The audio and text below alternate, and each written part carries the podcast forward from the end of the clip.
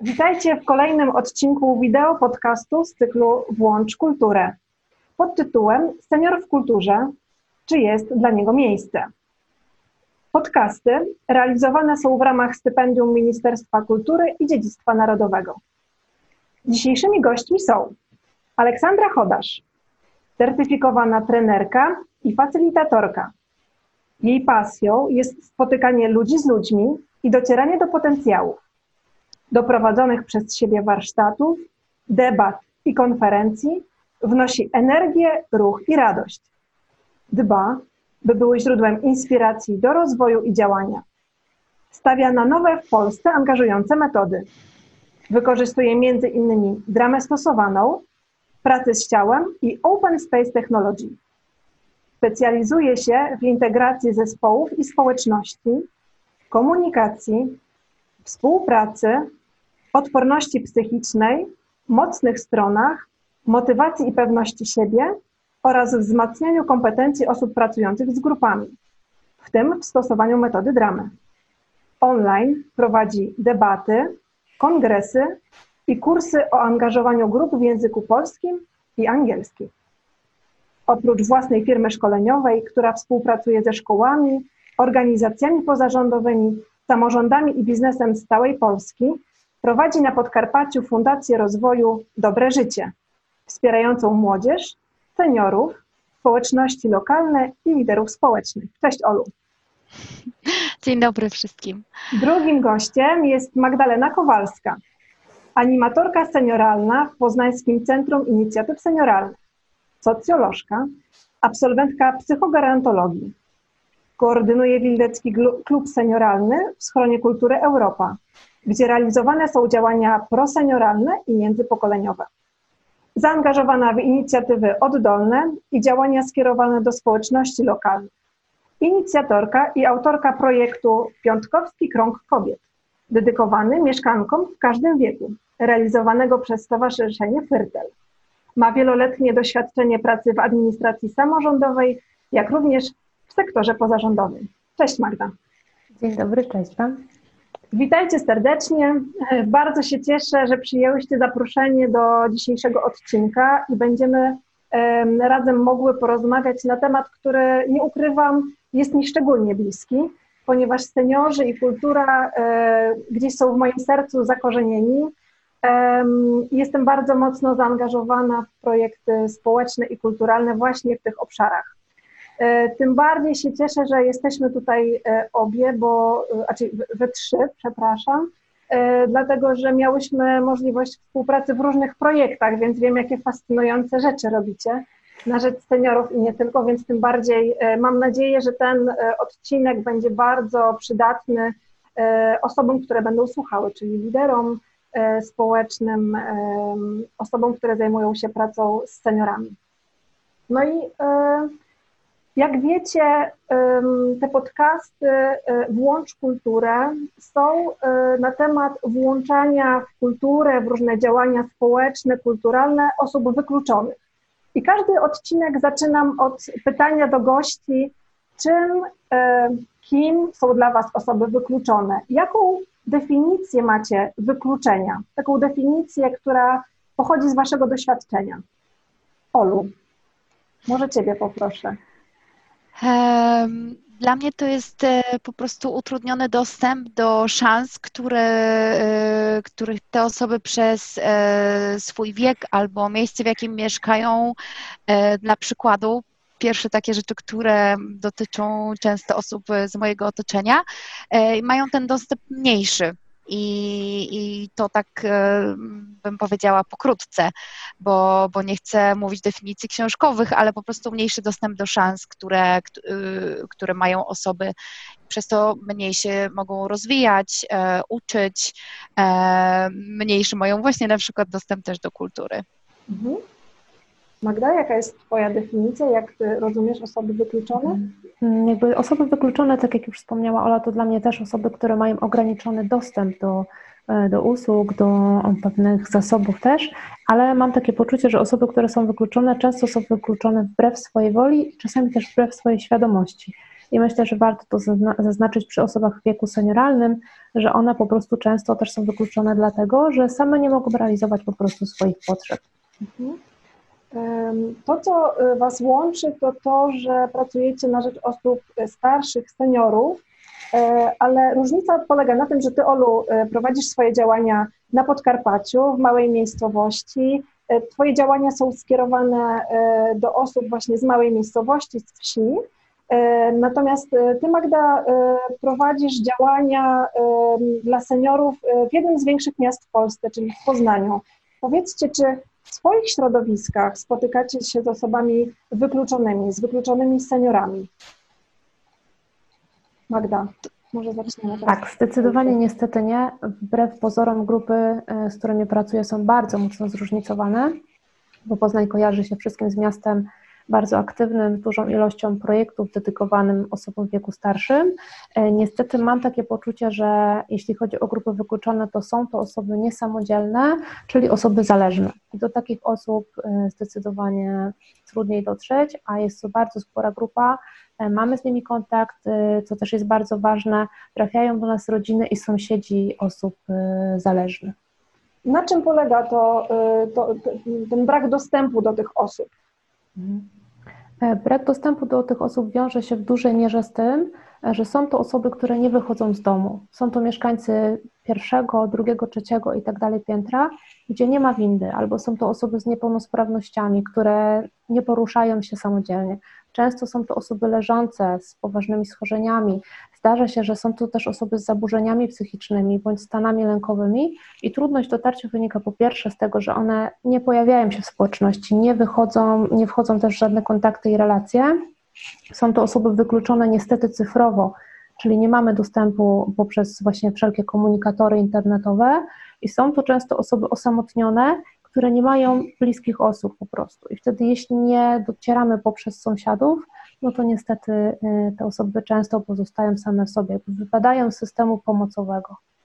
Czyli tak jak mówisz i tak sobie analizuję te osoby, przypadki, które są y, y, wykluczone, to raczej jest to wykluczenie z powodów zewnętrznych. To nie jest zazwyczaj niechęć do korzystania z działań, które są, które są proponowane przez różne instytucje, organizacje, osoby, tylko raczej są to czynniki zewnętrzne, typu właśnie to pierwsze, drugie piętro, niepełnosprawność. Tak, zdecydowanie myślę, że są to czynniki zewnętrzne, ale tak jak wspomniałam na początku, też mam poczucie, że to jest e, brak świadomości, e, czego tak naprawdę mogą oczekiwać, bądź z czego korzystać, do czego mogą się włączyć, czy w czym współuczestniczyć. Mhm. Tak sobie myślę, jestem po, tym, po takim doświadczeniu E, wizyty e, w Lublinie, w mojej praktycznie mm, rodzinnej miejscowości, gdzie mam babcię, która ma 96 lat, która właśnie jest mieszkanką drugiego piętra i ten czas COVID-u, tutaj poruszę ten temat, bo jakby on mi się bardzo z tym łączy. Ja widzę, jak po tym czasie zamknięcia trzymiesięcznego jest y, i bardzo trudno wyjść z domu gdzieś te stawy się zastały, jakoś tak mentalnie trudniej wyjść. Te schody stały się takie, e, takie ogromne, takie mhm. nie do pokonania praktycznie, gdzie jeszcze w styczniu, w lutym to była taka dziarska babcia, dla której nie było rzeczy niemożliwych, a teraz e, no, bardzo dużą różnicę widzę właśnie o tym, co mówisz, że to jest taki więzień tych czterech ścian, tego bloku.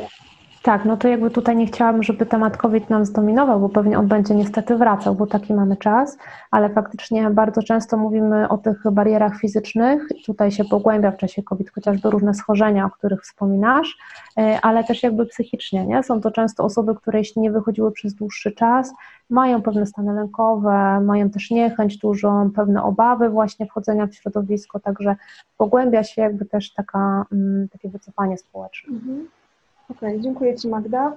Olu, czy w Twoim środowisku, w którym pracujesz, możesz powiedzieć, że y, są seniorzy wykluczeni? Ja tak słucham Was, bo to jest y, ten wątek osób, które w ogóle nie biorą udziału w życiu społecznym i publicznym. Jest tak sobie myślę, że jest pewnie w miastach bardziej y, się rzuca w oczy, bo właśnie są te piętrowe budynki, e, często bez wind. E, na terenach wiejskich, no co są domy, prawda, i wszystko jest takie mhm. bardziej parterowe. I też e, dużą rolę ma Kościół i bardzo często seniorzy E, nawet jeśli są 80, plus, to uczestniczą e, aktywnie w życiu właśnie takim społecznym poprzez to, że uczestniczą w, e, w mszach i niektórzy z nich nawet codziennie. Mhm. A, lub takie święta na wsiach to są takie też majowe, jakieś inne mhm. nabożeństwa, nie tylko w niedzielę. I po prostu to też te osoby trzyma trochę w takiej aktywności, to raz a dwa, można do nich dotrzeć, no bo wtedy jakby one wychodzą na zewnątrz i chociażby poprzez ogłoszenie parafialne, czy e, po prostu e, rozmowę bezpośrednią, e, no można tą osobę spotkać. E, na pewno są, e, takie zaczęłam się zastanawiać podczas tego, jak mówiłyście, na pewno są osoby, które po prostu w ogóle nie wychodzą e, z domu. Do takich osób też należą często osoby z różnymi niepełnosprawnościami, także intelektualnymi, no bo na wsi to jest trochę tak, że mm, po prostu więcej tych osób zaczęło wychodzić, jak zaczęły się pojawiać te ośrodki dla e, po prostu e, dzieci, prawda, czy i też są dowozy, bo to jest e, kwestia transportu.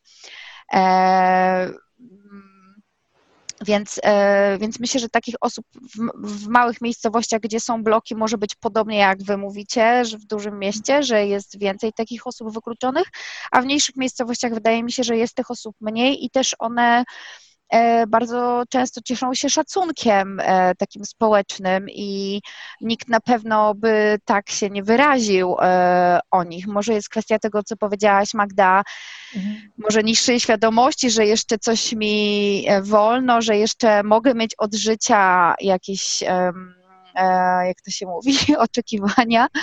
E, także mogę czegoś chcieć od życia, tak? E, to bardziej często seniorzy tutaj bardziej mentalnie sobie mówią, że a ja już jestem tylko dla wnuków, co mi tam w życiu trzeba i mogą nie chcieć wziąć udziału w jakichś działaniach, bo właśnie oceniają, że to jest zbyt, nie wiem, szalone albo zbyt dziwne, albo tego u nas jeszcze nie było, mhm.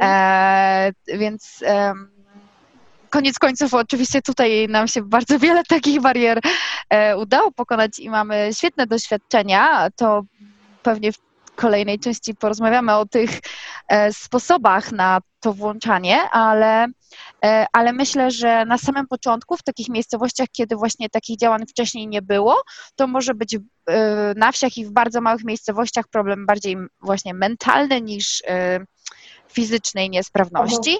Mhm jak chodzi o transport, to jest ciekawe, że, y, y, że my to rozwiązywaliśmy po prostu prywatnymi środkami. Często jeździliśmy, ja, moje koleżanki po prostu przywoziliśmy seniorów z odleglejszych miejscowości albo rodziny ich przywoziły bo na przykład grantodawca uznał, że y, jest mm, zwrot biletów autobusu, którego nie ma. E, więc, mm, więc to, jest, to jest taki temat właśnie bardziej transportu. Mhm. Ale jeden senior przyjeżdżał na zajęcia traktorem. Serio? 80 plus. Da się. Da się. albo motorem. Albo motorem. Jakby miał przyczepkę ten z traktorem, to mógłby jeszcze koleżanki, sąsiadki przywieźć. Nie? No. Wiesz co, jakby mieszkały blisko, Aha. Bo to jest właśnie to, że na przykład w mojej gminie jest gęstość zaludnienia hektar na osobę. Wow. tu nie mieszka dużo mhm. ludzi w jednym miejscu. Mhm. E, a tak mnie kusi, Ola, e, żeby o to Ciebie zapytać, e, bo rozmawiałyśmy przed nagraniem, że 11 lat temu wyprowadziłaś się z Warszawy, do, właśnie do Rzeszowa, do małej miejscowości. Jak pamiętasz tych seniorów z tego, jak przyjechałaś do Rzeszowa, tam do tego miejsca. Podrzeszów. Podrzeszów. Tak, e, tak. Jak pamiętasz tych seniorów? Wiesz co, takich e, bardzo jak, jak w domu, bo ja miałam dziadków, którzy, którzy pracowali w polu i moje. Mm, ja czasem mówię o sobie, że ja to byłam dziewczyna ze wsi, która się urodziła w Warszawie, no bo tak po prostu się zdarzyło, że moi rodzice pojechali do Warszawy się uczyć i już zostali w Warszawie.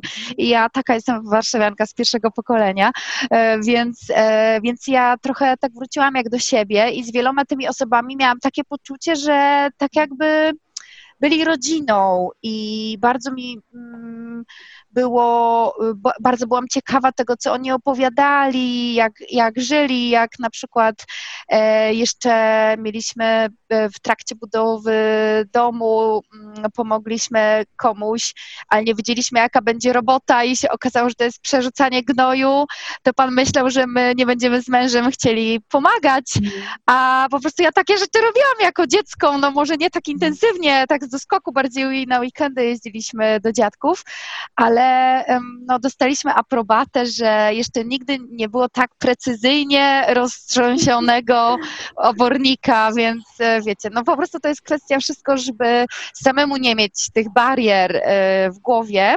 I kontakty bardzo, y, bardzo mm, dla mnie było szybko nawiązać. I w ogóle projekty włączające seniorów i międzypokoleniowe to były um, jedne z pierwszych projektów, które fundacja realizowała w, z dwoma najbliższymi e, naszymi e, do nas szkołami. Także, także tak, to było e, takie naturalne.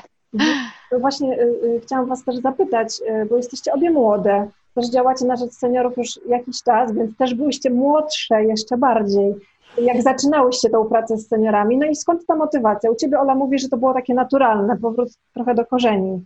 E, no właśnie, skąd to, skąd to się wzięło? Magda, u Ciebie?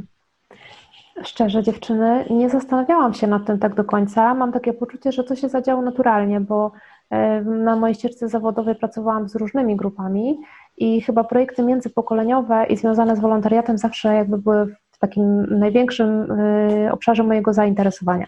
To mnie zawsze ciekawiło i chyba tak naturalnie się zadziało, że pojawiały się osoby związane z projektami prosenioralnymi i to mnie po prostu zaciekawiło. Także myślę, że ten, ten bakcyl gdzieś tam się obudził w trakcie mojej pracy społecznej. To jak się obudził ten bakcyl, no to co robicie dla tych seniorów? Opowiedzcie mhm. nam, jakie działania, co robicie, żeby ich włączyć, e, żeby e, żyło im się lepiej po prostu. Magda. To ja może powiem o Wildyckim Klubie Senioralnym Schron Trzeciego Wieku. E, to jest projekt, który realizujemy od stycznia tego roku. E, Wilda to jest część, e, jedna z dzielnic w Poznaniu i projekt jest dedykowany przede wszystkim mieszkańcom Wildy, czyli społeczności lokalnej, ale nie ukrywam, że skorzystać z oferty mogą wszyscy mieszkańcy miasta Poznania w wieku senioralnym. Nasza oferta opiera się trochę o to, o czym wiedzieliśmy, że potrzebują tego lokalni mieszkańcy ale też staraliśmy się wprowadzić coś nowego do oferty, żeby właśnie pokazać osobom mieszkającym na Wildzie, które często nie przemieszczają się do centrum, tylko działają jakby, czy korzystają z oferty na swoim portlu, że e, można spróbować czegoś nowego, można doświadczyć czegoś międzypokoleniowego i to też okazuje się być ciekawe, innowacyjne, więc trochę takie nowe, duże, przerażające, ale jednocześnie bardzo rozwojowe.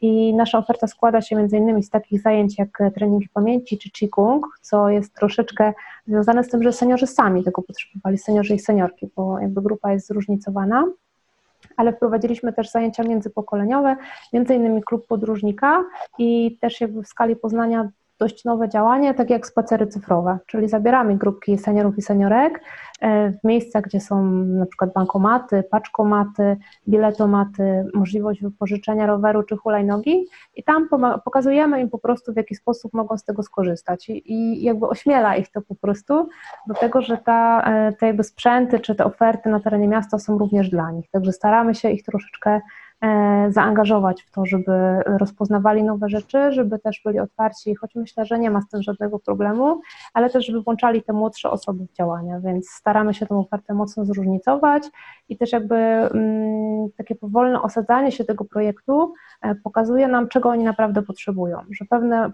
szczególnie po tym czasie e, izolacji społecznej, seniorzy i seniorki sami przychodzą i podpowiadają, co chcieliby robić, czego potrzebują, także ofertę budujemy przede wszystkim opierając się o współpracę z tymi, którzy, do których one są adresowane.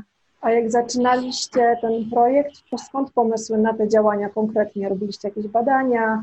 pytaliście, chodziliście nie wiem, od domu do domu, zadając pytania seniorom, czego by Mhm. potrzebowali? Czy to była Wasza jakaś intuicja, zebranie doświadczeń e, działań na Mhm. innych, innych lokalizacjach? Klub senioralny działa w schronie Kultury Europa. To jest miejsce, które, działa, które jakby istnieje już na terenie Wildy od 15 lat. Więc to nie jest też tak, że my y, poszukiwaliśmy odbiorców naszego projektu, bo taka grupa e, systematycznie z roku na rok powiększała się. I po prostu pod kątem tego e, jakby zapotrzebowania stworzyliśmy szerszą ofertę, bo od kilku lat realizowane w ramach Centrum Inicjatyw Lokalnych w Wildasie są śpiewanki senioralne. I to była przestrzeń, gdzie seniorzy i seniorki pojawiali się. E, Widzieliśmy troszeczkę, że jednak e, ta wspólna aktywność motywuje ich do wychodzenia z domu i właśnie jakby podpytując, czego potrzebują, co chcieliby robić, czy jakby co im sprawia radość tak naprawdę, co ich motywuje do tego przychodzenia do schronu, na tej bazie tworzyliśmy ofertę, uzupełniając ją o nasze propozycje.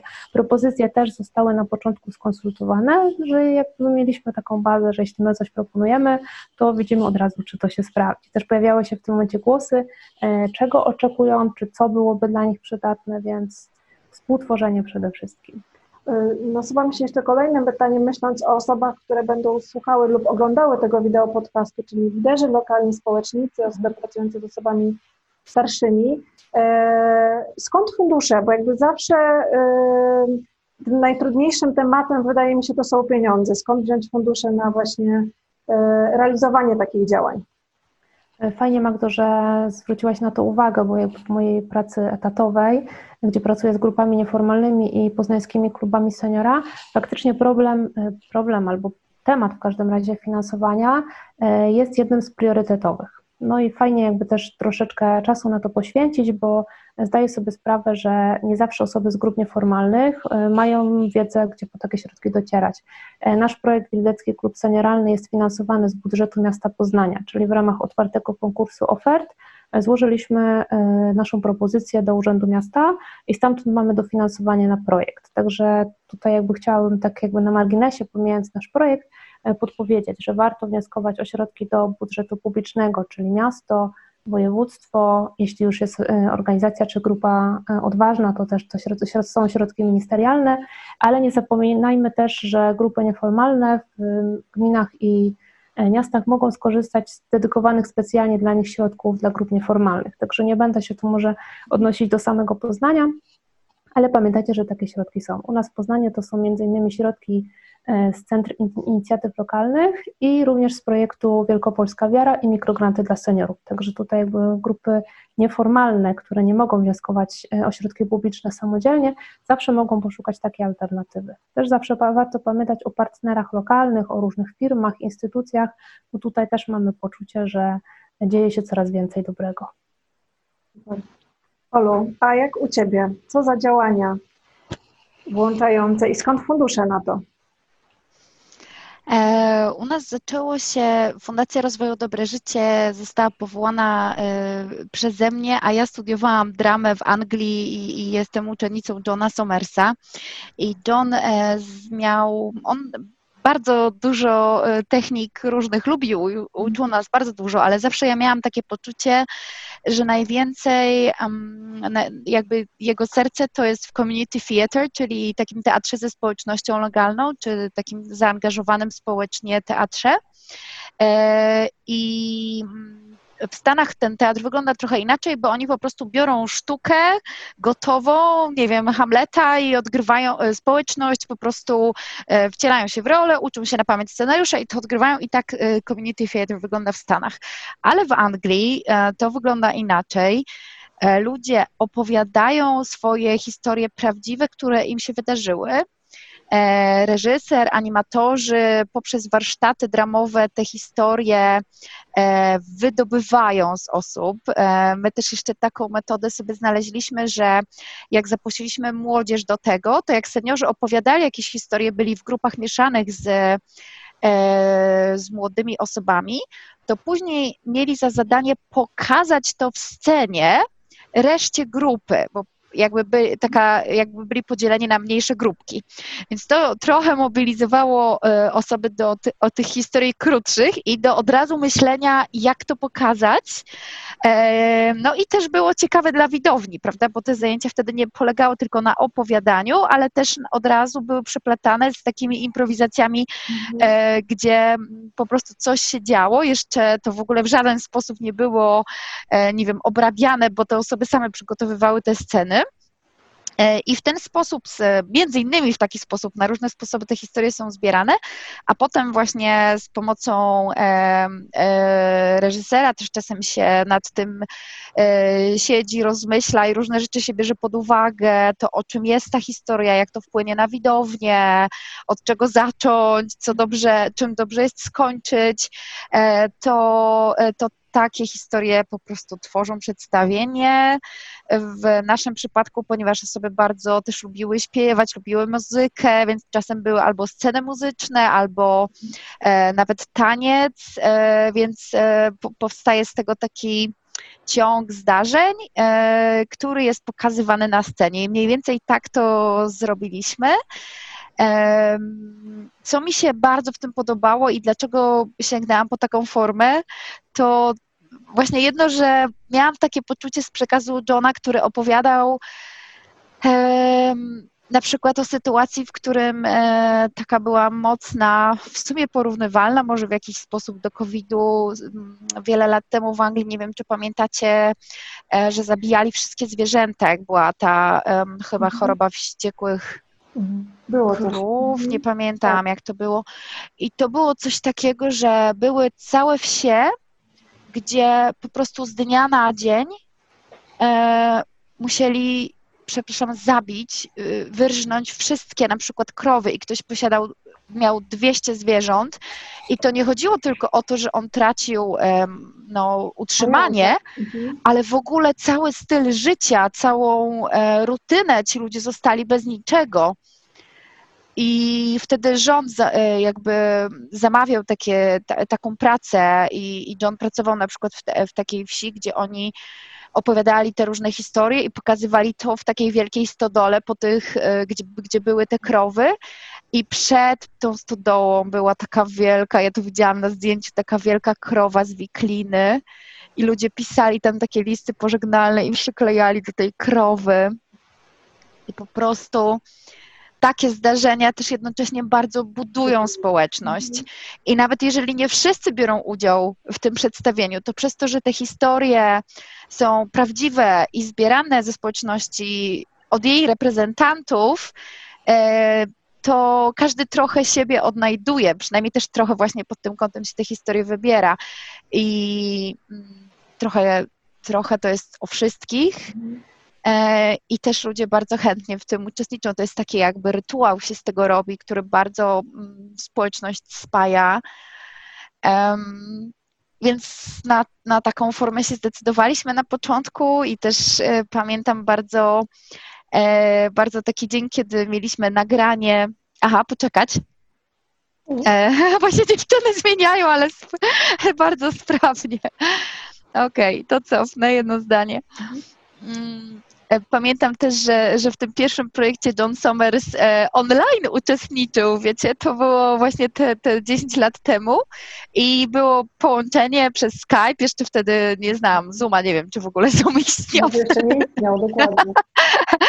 Więc e, online John, John się wyświetlał na, na rzutniku, na ekranie, no i po prostu trochę opowiadał swoją historię, jak on e, prowadzi takie zajęcia i seniorzy mogli mu zadawać pytania i właśnie pytali, ile ma lat, czy to się naprawdę dzieje, czy inni Ojej. ludzie na serio chcą wziąć w tym udział.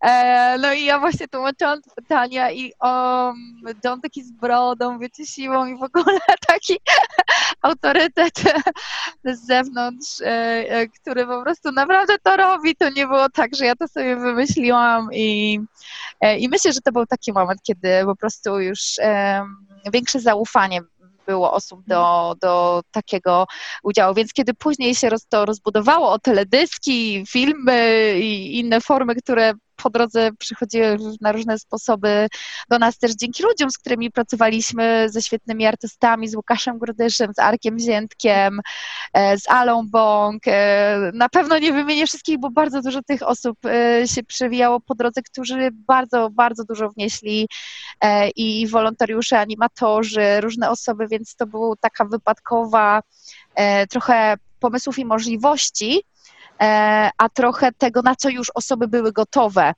E, bo co, czym innym jest pokazać coś raz na żywo, a czym innym jest nagrać, już e, po prostu utrwalić to i tak dalej. To ma swoje plusy, ale też i minusy i tak mhm. dalej. Więc, mm, więc to w sumie się potem rozwijało. Też powstała kampania społeczna w zeszłym roku, którą seniorzy tworzyli na rzecz innych, bo jakoś tak jakby zawsze staramy się na tyle, na ile się da, ale jakby mi zawsze bardziej to przyświeciło, przyświecało może dlatego, że profilaktykę społeczną studiowałam i bardzo socjologią się interesowałam, więc e, to jest takie chyba mamy wspólne, Magda, e, podejście, że po prostu ja jednocześnie chciałam tworzyć społeczność i żeby nawet jak seniorzy coś tworzą, to żeby to było jednocześnie do kogoś skierowane, więc bardzo mało nasza fundacja robiła takich działań tylko dla seniorów. To mhm. po prostu jakieś pojedyncze rzeczy. Oczywiście chcemy rozwijać umiejętności seniorów i tak dalej, ale to się jakby dzieje mimochodem poprzez te tak. działania integrujące um, też y, seniorów z innymi grupami i to, że oni mogą pokazywać też swój potencjał na zewnątrz. Jakoś taką, taką drogę wybraliśmy. Ja mogę potwierdzić, mogę potwierdzić, bo w 2013 roku pod skrzydłami Oli e, organizacji e, realizowałam projekt Most Międzypokoleniowy właśnie w małej miejscowości Radzeń Podlaski, gdzie wykorzystałyśmy teatr e, społeczny. Tak, tak, a ja ostatnio poznałam Janusza, z którym ty wtedy tak. pracowałaś i ten projekt mi się przypomniał i widzisz, i teraz mamy nagranie, więc... Tak jest mało. Tak, tak, tak. I widzisz, i ty też pracowałaś wtedy z artystami tak. e, i, i, i, tworzyłaś to świetne, razem. Świetny rzeczywiście po, e, potencjał do, do pracy z, ze społecznościami, nie tylko z grupą, z którą się pracuje, ale pamiętam tą energię na początku, różne bariery, o których sobie potem powiemy, ale e, też ta energia, która potem, e, która się wyzwoliła ze wszystkich, bo to był projekt z gimnazjalistami, z seniorami z klubu trzeciego wieku, z przepraszam, Uniwersytetu trzeciego wieku, e, więc niesamowite doświadczenie. Oczywiście do wszystkich materiałów, o których teraz mówimy, będą linki pod tym nagraniem, więc serdecznie zapraszamy do oglądania i do obejrzenia. E, i tutaj działań Magdy i, e, i Oli o teledyskach i kampaniach społecznych. Przejdę dalej, bo też bardzo mi się łączy moje kolejne pytanie, które do Was przygotowałam. Dużo czytałam przed, e, przed tym naszym spotkaniem i nasunęło mi się takie pytanie, może będziemy w stanie na nie odpowiedzieć, być może nie, bo przyszło mi do głowy takie pytanie, jaka jest granica albo jakie, jak tworzyć projekty, e, które właśnie włączają te osoby starsze, które angażują, że to oni nie są tylko odbiorcami takimi biernymi, e, tylko włączają te osoby do, do działania, aktywizują, a nie projekt, właśnie jaka jest granica między tymi projektami, a projektami, które ja to nazywam projektami pomocowymi, które są skierowane do seniorów właśnie, jakby to powiedzieć, no na przykład mamy w Poznaniu taki program e, skierowany dla seniorów, że e, mogą zadzwonić i przyjdzie ktoś, kto umyje im okna. Czyli takie pomocowe, które moim zdaniem troszeczkę jeszcze bardziej zagnieżdżają w tym domu, które tak nie aktywizują. Czujecie tą granicę, widzicie, gdzie ona może być, albo jak podchodzić do tych projektów, żeby one były bardziej aktywizujące, wyciągające z tych domów, jeżeli jest taka możliwość oczywiście, e, niż takie e, pomocowe, że ten senior tylko, brzydko powiem, bierze, e, a mało z tego korzysta. Oprócz takiego jednego strzału, właśnie na przykład umycia okien.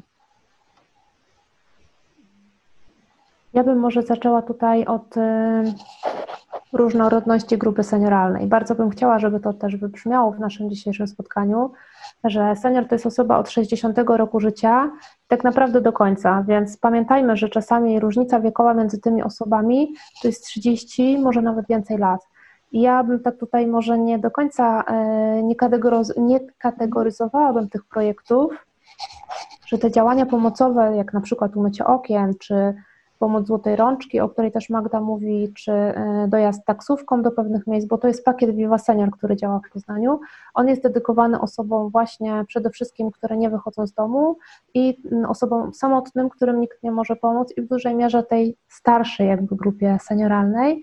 E, I myślę, że tutaj jakby ja bym tego nie rozdzielała aż tak bardzo, bo te projekty też są potrzebne i one y, nie wykluczają, że osoba, która korzysta z pomocy w umyciu okien, nie skorzysta bądź nie włączy się w projekt aktywizujący. Także tutaj myślę, że nie stawiałabym żadnych granic, nie stawiałabym jakby takiej, mm, nie szufladkowałabym tego, że projekty pomocowe e, są właśnie wykluczające, czy nie tworzą przestrzeni do włączania się, aktywizowania czy integrowania. Chciałabym, żeby takie projekty były realizowane. Może czasami warto się zastanowić nad skalą tych projektów bądź e, zdefiniowaniem konkretnych odbiorców, czyli celowanie działań pomocowych, a jeśli chodzi o projekty włączające, zdecydowanie to, o czym też powiedziała dość dużo Ola, e, kluczowe jest e, współpraca, współdziałanie i osadzenie w społeczności lokalnej, bo uważam, że to jest siłą zarówno w tych małych miejscowościach, jak i chociażby w Poznaniu na zasadzie takiego działania dzielnicowego. Ola, masz jakieś zdanie, komentarze? Uświadomiłam sobie jeszcze potem, jak skończyłam mówić, że nie powiedziałam o tych finansach, a ty też o to mhm. pytałaś, więc nie, nie uciekam od tego, mogę udzielić takiej informacji jak najbardziej. A teraz pytasz o co? Przypomnij mi. E, bo mamy y, y, tutaj dwa rodzaje projektów skierowanych do seniorów. Mhm, Okej. Okay. Okej, okay, no to ja od razu mówię e, i to mogę połączyć odpowiedzi, e, cofnąć się do finansów. Nas po prostu jako organizację nie stać na projekty pomocowe, dlatego ich nie robimy. Uważam, e, tak jak Magda, że one są potrzebne. Wiele osób korzystałoby z nich i są przecież te różne systemy, teraz już wchodzą te systemy elektroniczne, gdzie, gdzie senior może wezwać opiekuna, który jest opłacany przez gminę i tak dalej. To jest no, wszystko konieczne e, i, często w małych miejscowościach tą funkcję po prostu pełnią e, sąsiedzi. E, my też nagrywaliśmy taki podcast, gdzie są gdzie, gdzie seniorzy uczestniczący aktywnie w naszych projektach i oni są twórcami kultury, sami właśnie tworzą kampanie, sami wymyślają różne rzeczy, to oni nagrywali dla innych seniorów e, właśnie o na przykład o bezpieczeństwie, dlaczego nie wpuszczać do domu obcych ludzi, przestrzegali przed różnymi e, tam telefonami na wnuczka, jakimiś akcjami, tym e, kupowaniem tych e, garnków i tak mhm. dalej, jakby tymi różnymi manipulacjami, które często się się dzieją e, właśnie w, w małych miejscowościach e, bardzo często e, i oni byli aktywni i oni robili to dla innych seniorów, tak? Czyli jakby tak seniorzy dla seniorów, ale oni mówili dużo o takich osobach, które potrzebują takiej pomocy, gdzie na przykład sąsiedzi dyżurują, a oni sami są, wiecie, 60-70 mhm. plus i właśnie często brakuje tego, więc, więc tutaj się totalnie jakby zgadzam. Dlaczego my takich projektów nie organizujemy? Dlatego, że jesteśmy małą fundacją, która E, po prostu musi się na coś zdecydować, a musielibyśmy być wielką instytucją i mieć gigantyczne środki e, e, na to, a projekt tak naprawdę społeczno-kulturalny jest dużo tańszy do realizacji. Bo jeżeli po prostu są spotkania i nie ma żadnych, nie wiem, środków sanitarnych, wiecie, prostu środki czystości, nawet to są ograniczone do minimum, bo to jest zmywanie podłogi, a nie, e, wiecie, po prostu wymiana pościeli i tak dalej, więc to są zupełnie inne kategorie e, wydatków. E, no i my jako mała fundacja jesteśmy głównie finansujemy się z ogólnopolskich konkursów typu, typu właśnie ministerialnego, dlatego że środki lokalne są bardzo małe e, i często już mają swoje przeznaczenie inne e, na rzeczy, które jakby już są tu realizowane od lat, więc my na przykład nigdy nie występowaliśmy e, jako fundacja w takiej najbliższej gminie o środki, bo po prostu tak jakby byłoby to odebrane jako zabieranie środków innym mniejszym organizacjom, więc po prostu zawsze jakoś e, staramy się te środki pozyskiwać ze źródeł ogólnopolskich. Mhm.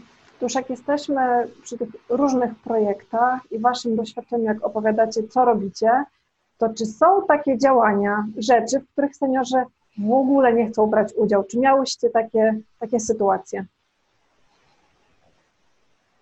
Nic nie przychodzi mi w tej chwili do głowy, jeśli chodzi o działania, które nie cieszyłyby się wśród seniorów zainteresowaniem, ale myśląc o takich projektach długofalowych, to. Yy, no niestety wspomnę o tym raz jeszcze, że jeśli tworzy się projekty, które nie są współtworzone czy konsultowane z seniorami i seniorkami, to niestety każda organizacja i każda instytucja jest narażona na to, że projekt się po prostu nie sprawdzi. Trudno mi w tej chwili w głowie znaleźć taki projekt w Poznaniu, który mówiąc tak y, wprost y, był totalnie y, nieudany i nietrafiony. Zazwyczaj jest tak, że jeśli projekty cieszą się małym zainteresowaniem, to one z czasem wygasają, ale nie przypominam sobie, żeby wśród seniorów i seniorek zdarzył się taki projekt, który naprawdę nie cieszył się żadnym zainteresowaniem. I wydaje mi się, że to też pokazuje trochę właśnie duże zróżnicowanie tej grupy i też wielość zainteresowań, że seniorzy zawsze znajdą dla siebie jakąś przestrzeń, gdzie mogą się włączyć, zaangażować. I też przy projektach wieloletnich mam takie poczucie, że oni też e, jakby będąc beneficjentami i beneficjentkami mają większą odwagę wypowiedzenia się, że coś nie zagrało, coś chcieliby inaczej, to jest też moment, taki sygnał dla organizacji, żeby tego nie przegapić, że jeśli mamy sygnał czy informację, że chcą to robić inaczej, mają może inną propozycję czy inny pomysł, to my to bierzmy, po prostu chłońmy to, korzystajmy z tego, bo nie ma lepszego sposobu realizowania projektów niż właśnie odpowiedzi na potrzeby seniorów i seniorek. Ja znam jedną z takich grup senioralnych, która mm, miała zaproponowane konkretne zajęcia fizyczne. No i chodzili na te zajęcia, ale dopiero po pół roku powiedzieli, że woleliby mieć jogę. No i wtedy okazało się, że oferta została e, aneksowana i yoga cieszyła się ogromnym zainteresowaniem, więc też mam poczucie, że tak jak wspomniałyście, Poznań jest dużym miastem, więc też mamy dużo e, szerszy wachlarz tych projektów i seniorzy i seniorki mogą wybierać z dużo większej oferty, więc to jest zdecydowanie inna sytuacja niż w małych środowiskach, tak jak u Oli, ale wspomnę tylko, że w ramach projektu Trener Senioralny, który dzielnicowo mm, e, bazuje na różnych aktywnościach fizycznych dla osób 60+, powstało takie działanie, które mnie fascynuje i to jest gimnastyka przy akompaniamencie fortepianu. Więc też jakby seniorzy i seniorki mogą ćwiczyć przy takiej żywej muzyce i wydaje mi się to taką właśnie fajną, innowacyjną formą, bo to zapewne też jest odpowiedź na jakiś sygnał, na jakieś zgłoszenie, czy na jakąś zwyczajnie propozycję, więc wsłuchujmy się w te potrzeby, bo to nam daje mm, dużo większe szanse na to, że projekty będą celowane i będą jakby, odbiorcy będą w 100% zadowoleni. Jest trudno się wypowiedzieć, e, bo tak jak wspomniałam, z racji na to, że jesteśmy małą organizacją, to nie było tak, żeby mieliśmy tych projektów, wiecie, 50 do wyboru i 30 nie wyszło, mhm. tylko po prostu bardziej jak już coś robimy, to wiemy, że to będzie sukces. Trochę to jest takie. Mhm taka połączenie siły właśnie determinacji, możliwości e, nasz, e, naszej organizacji zespołu, który mamy i, i, i, tych kompetencji z tym jakby co wiemy, jak, jak to w środowisku wygląda, partnerów lokalnych. I bardziej też staramy się robić takie działania złożone, żeby one były ciekawe dla ludzi, a jednocześnie ta złożoność daje wtedy możliwość wy, wyboru bo jeżeli ktoś, e, nie wiem, nie chce się ruszać albo nie może, no to nie musi, powiedzmy, jeśli jest teledysk, występować w scenie tańca, e, a jeżeli ktoś bardzo, nie wiem, e, bardzo chce mieć solówkę, i no to może, tak? I też do tego jest dostosowywane, my nie narzucamy scenariusza nigdy, tylko zawsze e, tworzymy to razem z grupą, więc każdy może mieć swoje miejsce.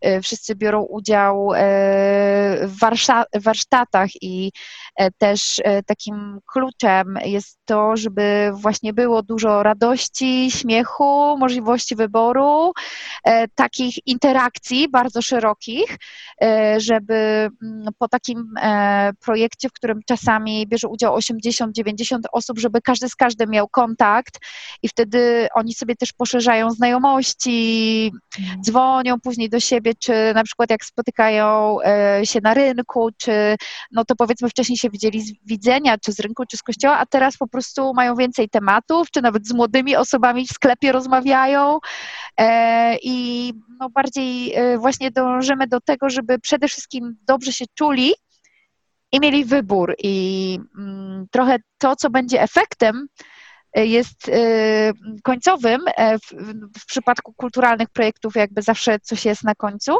mm, ale właśnie ten społeczny i y, to wszystko społeczne, co się dzieje po drodze, ten cały proces, y, to jest najważniejsze, więc trudno mi też jakby pomyśleć o czymś takim że ktoś by nie chciał. Może gdyby to było zbyt, nie wiem, inwazyjne albo, nie wiem, ktoś by musiał zaśpiewać, a by nie chciał, e, no to tylko, że my takich rzeczy jakby nie robimy. Raczej na przykład śpiewanie jest w grupie, no i wtedy nie ma kłopotu, że jakby ktoś by, nie wiem, nie chciał sam występować, e, bo w ogóle to nie jest priorytetem, żeby mhm. ktoś konkretny wystąpił, albo bardziej właśnie liczy się to, co się dzieje pomiędzy. Powoli słyszę, że przechodzimy do e, następnego e, pytania a propos wskazówek e, dla liderów i osób, które działają na rzecz seniorów. Jakie miałybyście wskazówki, jeszcze oprócz tego, co powiedziałyście, do tych osób, które chciałyby robić tego typu projekty albo chciałyby udoskonalić swoją pracę? Jakie byście dały rady, wskazówki, co, co mogą robić? Albo czego nie robić, bo to też jest cenne. Bo wydaje nam się, że jest super pomysł, a, a, nagle, a nagle coś nie wypali. Może podam przykład, bo tak mi się właśnie odświeżyło, e, kiedy robiłyśmy most e, międzypokoleniowy i wydawało nam się, że godziny popołudniowe dla seniorów są idealne.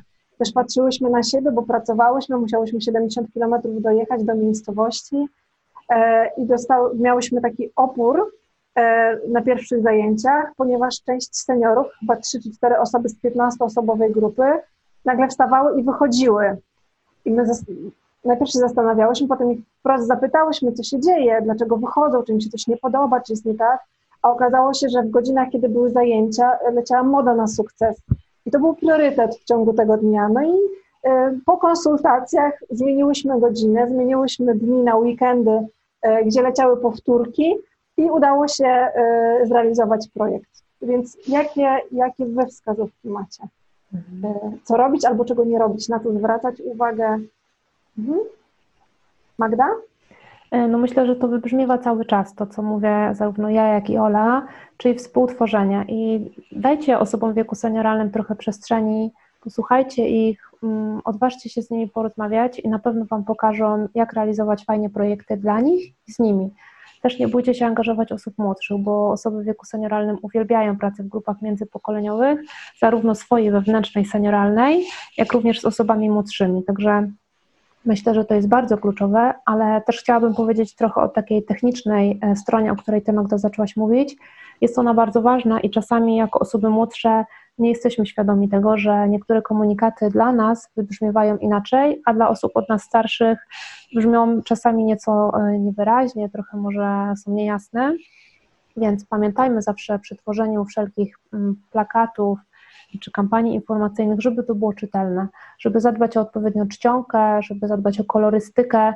Czasami nam się wydaje, że projekty dla osób w wieku senioralnym to są kolory złote, żółte, pomarańczowe, bo często tak się zdarza.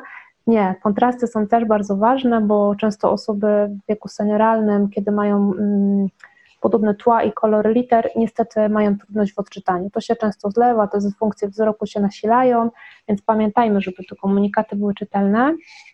Ważne jest to, co Magdo powiedziałaś, terminy spotkań i godziny spotkań, nie tylko ze względu na pewne zainteresowania, które są jakby poboczne, ale też ze względu na to, że już zauważamy, e, że seniorzy wolą spotkania przedpołudniowe, dlatego że czasami nie chcą wracać po ciemku do domu, niektórzy mają daleko, nie chcą jechać w przepełnionych w przypadku dużych miast tramwajach, pewnie u Oli jest troszkę inna sytuacja, ale tutaj u nas jakby to, to też mam wrażenie odgrywa ważną rolę. Pamiętajmy też, że tworząc różne wydarzenia kulturalne o przerwach. To jest bardzo ważne, żeby dostosować czas też do możliwości i percepcyjnych, i też fizjologicznych osób w wieku senioralnym, więc pamiętajmy o tym, że fajnie, gdyby był dostęp do toalety, gdyby była przerwa, możliwość napicia się czegoś, bo to też jest ważne i wydaje mi się, że warto o tym mówić, bo czasami jako osoby młode troszeczkę ten temat pomijamy, a w przypadku osób starszych no jednak e, jest, jest to też nie lada wyzwaniem. Wyjść do domu i tak zaplanować trasę, żeby po drodze była możliwość skorzystania toalety. Także pamiętajmy o tym. I myślę, że też takie techniczne rzeczy, czyli dobre nagłośnienie i taka, taki komfort e, korzystania z tej e, oferty. I rzecz, która wydaje mi się często najważniejsza, jeśli robimy coś i chcemy zaprosić seniorów czy seniorki, pamiętajmy, żeby oni czuli się ważni, żeby każdy czuł się tak samo potrzebny, każdy czuł się miło przywitany, i każdy czuł się po prostu w tej grupie komfortowo. Czasami przychodzą na zajęcia osoby, dla których to, tak jak mówiłyśmy już zresztą, to wyjście jest dużym wyzwaniem, więc cieszmy się z tego, że te osoby są i nie popełnimy takiego błędu, żeby ta osoba po prostu już do nas nie wróciła. Także bądźmy na siebie bardzo uważni. Tak myślę, że to jest też bardzo ważne w robieniu projektów. Tak mi się nasuwa, Magda, ty co mówisz y, a propos tej ilości osób, bo wydaje mi się, że też jako młode pokolenie y, jesteśmy mocno zadaniowi i tacy nastawieni na y, liczebność. I żeby mhm. nie zgubić tego, że jeżeli mamy w projekcie zapisane, że przyjdzie na zajęcia 10 osób, a przyjdą dwie, to żeby do tych dwóch również wyjść z taką samą energią, jak dla tych 10 osób, żeby te dwie osoby nie poczuły się, że, y, że są mało ważne, tak? bo nie ma tych pozostałych 8 osób. To jest jedna rzecz, a a propos tych posiłków, y, czegoś do y, zjedzenia albo do napicia się, też mam takie doświadczenie rzeczywiście z projektu, który realizowałyśmy w 2018 roku w domach pomocy społecznej, y, gdzie pracowałyśmy z, z mieszkańcami, bo też byli panowie. I zrobienie przed zajęciami sobie wspólnie kawy albo pokrojenie ciasta zakupionego gdzieś po drodze przez animatorów dawało niezwykłą atmosferę takiego poczucia wspólnoty. Ja w ogóle nie, nie sądziłam, że zwykła kawa, herbata, woda albo ciasto na stole może wśród seniorów y, y, stworzyć taką atmosferę, gdzie czujemy się jak w domu i to naprawdę y, jakby przechodziliśmy wszelkie bariery, które, które napotkałyśmy na początku, kiedy tego właśnie ciasta albo posiłku nie było, że to jakoś tak rzeczywiście łączy ten stół i ten drobny y, mhm. poczęstunek. Ja bym się też tego nie bała, bo czasami mam takie poczucie, że próbujemy e, na siłę seniorów i seniorki zaangażować w takie duże rzeczy, że to musi być wydarzenie takie naprawdę już, które można się pochwalić, że to ma być kultura wysoka, że to są ważne wyjścia. Nie, myślę, że z doświadczeń e, klubów seniora i też różnych grup nieformalnych, z którymi mam kontakt, to spotkanie przy kawie jest bardzo ważne, bo ono daje przestrzeń na zintegrowanie się, na poczucie się, tak jak mówisz, trochę w tym swoim klubie, jak w swoim domu, że tak się też tworzą kluby seniora, że to są grupy osób, które mają ochotę ze sobą spędzać czas i te grupy tworzą się, robią się coraz większe i jakby dzięki temu są klubami, a nie po prostu spotkaniami koleżeńskimi. I wydaje mi się, że nie możemy się bać takich rzeczy jak spotkania przy kawie, bo tak się rodzą tak naprawdę relacje międzypokoleniowe też w rodzinach i tak się tworzy więzi sąsiedzkie, mam poczucie, że trochę osadzamy się przy kawie, trochę przy wspólnym wykonywaniu różnych działań, tak jak było kiedyś w kołach gospodyń wiejskich, o czym pewnie Ola może powiedzieć trochę więcej. Także ja bym się nie bała takich form e, kontaktu e, przy kawie, bo to też jest jakby pewnego rodzaju działanie, które motywuje później do dalszych wyjść, do współtworzenia nowych działań, czy nowych form, chociażby tak jak kluby seniora. Także ja jak najbardziej jestem zwolenniczką spotkań przy kawie. Tak, już powiedziałyście dziewczyny o tych aspektach, e, właśnie godzinach, dniach, e, włączaniu seniorów w decyzje. To jest, to jest wszystko kluczowe i dużo anegdot się z tym wiąże. Mogę opowiedzieć o jednej, kiedy e, było, miało być ognisko i seniorzy bardzo chcieli ognisko. No i ja wybrałam jakiś dzień z kalendarza, zaproponowałam i tak nie widzę entuzjazmu bo to jest właśnie ważne, żeby cały czas sprawdzać tak. poziom entuzjazmu. Jeśli on nie jest bardzo duży, to znaczy, że coś jest nie tak. I wtedy trzeba dopytywać. No i pytam. I mówię, ale nie pasuje wam ten dzień, czy co? No bo pani Olu, bo to jest piątek, to kiełbasy nie będzie można jeść. Więc e, czasem my po prostu nie kojarzymy czegoś e, i tak, i, i, ale właśnie to widać po e, reakcjach niewerbalnych bardzo często, a potem jak już grupa ma zaufanie, no to od razu jakby mówi, ale na początek to jest to takie patrzenie po sobie, czy mm, inny rodzaj y, niewerbalnej reakcji, albo właśnie brak reakcji, więc to może być wskazówką. A ta, to, co bym powiedziała, że jest najważniejsze, z, mm, to, żeby te osoby, które realizują taki projekt, po prostu chciały to robić. I miały do tego pasję, e, miały na to jakiś pomysł, super jakby miały wykształcenie i jakby no, w tym kierunku, e, czy taką intuicję, że mm, wiedziałyby, jak to robić. Bardzo pomagają wszelkie takie animacyjno-facylitacyjno-trenerskie umiejętności, umiejętności różnych metod, więc e, e, to jest, to jest czasem tak, że my seniorzy nie muszą znać tych nazw, a my czasem stosujemy 4-5 różnych technik, mhm. skomplikowanych, których po prostu, nie wiem, w biznesie ludzie czasem nawet nie używają, a my to robimy po to, żeby właśnie bardziej ludzi zaktywizować, włączyć, e, nie wiem, rozśmieszyć, spowodować, że oni bardziej e, się e, połączą między sobą na różne sposoby, zdobędą to zaufanie do siebie, więc, więc pasja bycie w tym e, na, na całego i e, przygotowywanie dla tych ludzi czasami coś e, specjalnego, żeby wiedzieli, że to nie jest właśnie taka sztampa, tylko że to jest coś szyte na miarę I, e, i, e, i wtedy to mm, i pokazywanie, że każda jedna osoba jest ważna. Czyli właśnie takie pojechanie po kogoś samochodem swoim na zajęcia, kiedy na przykład właśnie zawsze wozi go córka, a ten jeden raz córka go nie wiezie, no to jeżeli ty pojedziesz, to już ta córka gwarantuję, ani razu już później nie zawiedzie, tak? Bo, to, bo jeżeli by się dało taki sygnał, a dobra, trudno, no to wtedy już jakby wszyscy to widzą i um, zaczyna być takie gdzieś podskórnie poczucie, że nie jesteśmy tak bardzo ważni. Więc takie, takie walczenie w dobrym tego słowa znaczeniu o każdą jedną osobę, która już się zadeklarowała, my na przykład w projekcie zaczęliśmy wpisywać taką pozycję jak e, właśnie y, Często to jest wolontariat, y, jakby no niestety dla tych osób, które tą pracę wykonują, no bo to zajmuje też czas, ale właśnie dzwonienie pomiędzy zajęciami, przypominanie, albo na przykład jak kogoś nie było, no to włączenie tej osoby, powiedzenie co było, co będzie następnym razem. E, to to są takie rzeczy. Jeszcze staramy się, żeby wszyscy znali warunki, nasze cele e, na dany projekt, e, co powstanie. Bardzo wiele seniorów, tak my zauważamy, nie wiem, czy, czy, czy ta, nie robiłam badań, ale jakby te osoby, z którymi my pracujemy, są bardzo praktyczne. I po prostu jeśli wiedzą, że ma być, nie wiem, podcast o bezpieczeństwie seniorów i że mają zrobić wywiady, że później o tym podyskutujemy, potem razem ułożymy kolejność i tak dalej, i tak dalej, i oni jakby rozumieją, po co to jest, wiedzą, że to będzie miało efekt, którym będą mogli się podzielić, nie wiem, że po, po drodze pójdziemy do radia i tak dalej, i tak dalej, to jest to bardzo motywujące.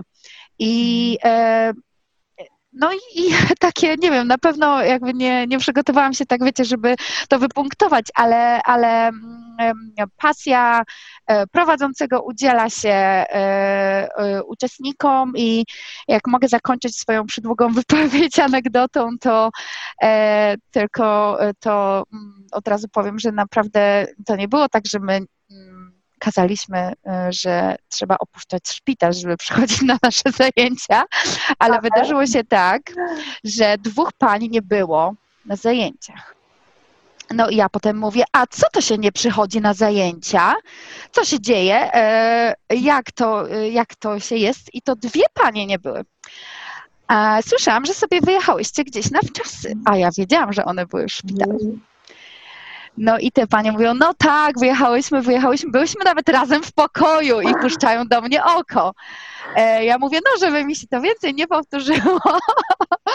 I to były takie, takie jakby żarty trochę, ale gdzieś w sumie to się powtarzało i później wychodziło nam w rozmowach fokusowych, że ci seniorzy czują się zdrowsi, i oni naprawdę, kiedy muszą skorzystać z lekarza, to korzystają, ale i oni sami tak mówili i, i osoby z ich otoczenia, że czują się lepiej, że czują się młodsi przez to, że właśnie czują się chciani i tak dalej. Więc e, to jakby jak ta regularność uczestniczenia w zajęciach e, jest kluczem i możemy na nią walczyć o różne sposoby. Mhm.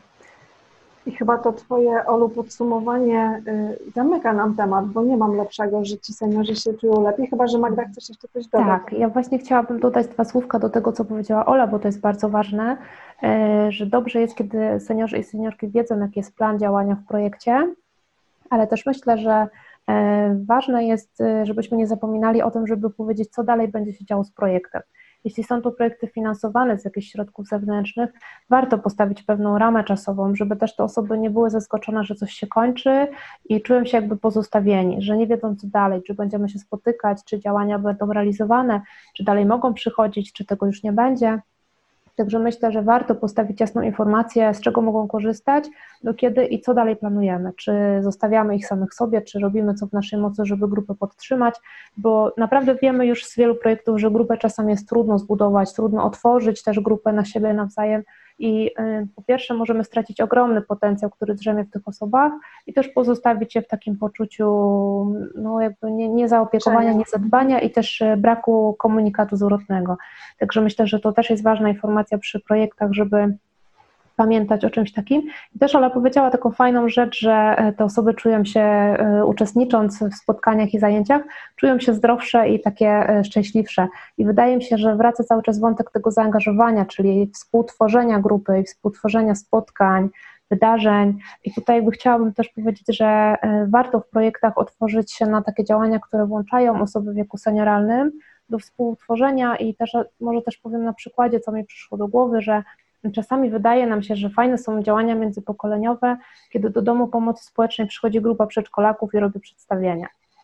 Albo kiedy zapraszamy osoby z domu pomocy społecznej na jakieś wydarzenie typu koncert. No ale co dalej? Tak naprawdę to jest jeden dzień, to jest też takie, um, odbiór jest, mam wrażenie, bardzo często bierny, a nie pomyślimy o tym, że takie osoby chciałyby się włączyć na przykład z tymi przedszkolakami w stworzenie czegoś, w jakieś takie prace manualne, i fajnie jest czasami się zastanowić, też podpytać podczas tych spotkań, robić taką ewaluację bieżącą, czy taka forma jest dla nich ok, czy może taka forma tak naprawdę mm, nie, nie angażuje ich w żaden sposób, co też powoduje, że nie zapobiegamy temu wykluczeniu, o którym mówiliśmy na początku. I te osoby mogą mieć jeszcze większe poczucie osamotnienia, kiedy taka grupka dzieciaków czy e, grupa młodzieży z jakimś tematem przychodzi, wychodzi i oni wracają do swojej szarej często rzeczywistości, więc jakby dbajmy o to też.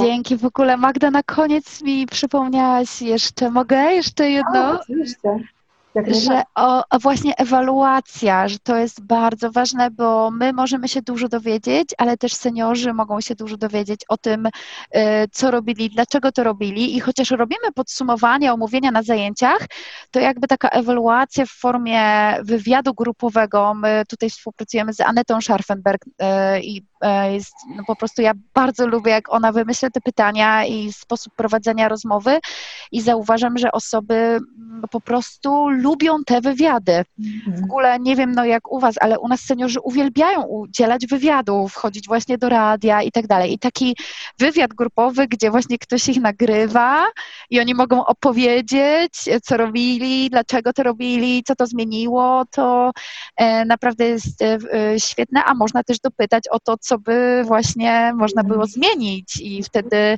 E, w takiej grupowej formie, właśnie nie w ankiecie, bo ankiety niezbyt e, dobrze u seniorów wychodzą, e, więc to jest takie, mm, takie ważne, żeby mieć też tą informację zwrotną na różne sposoby, formalnie czy nieformalnie, właśnie w rozmowach, w żarcie i na serio. Super. Bardzo Wam dziękuję w takim razie, że chciałyście się spotkać, porozmawiać, podzielić swoim, e, swoją wiedzą i doświadczeniem bardzo, e, bardzo bogatą. E, bardzo Wam dziękuję za spotkanie. Oczywiście, tak jak mówiłam, wszystkie linki do działań, które robicie, będą pod, pod nagraniem, więc będzie można je obejrzeć. A całość wideo podcastu było tłumaczone przez tłumaczki polskiego języka migowego Martę Jaroń i Karolinę Bocian. Dziękujemy. Dzięki. Dziękujemy.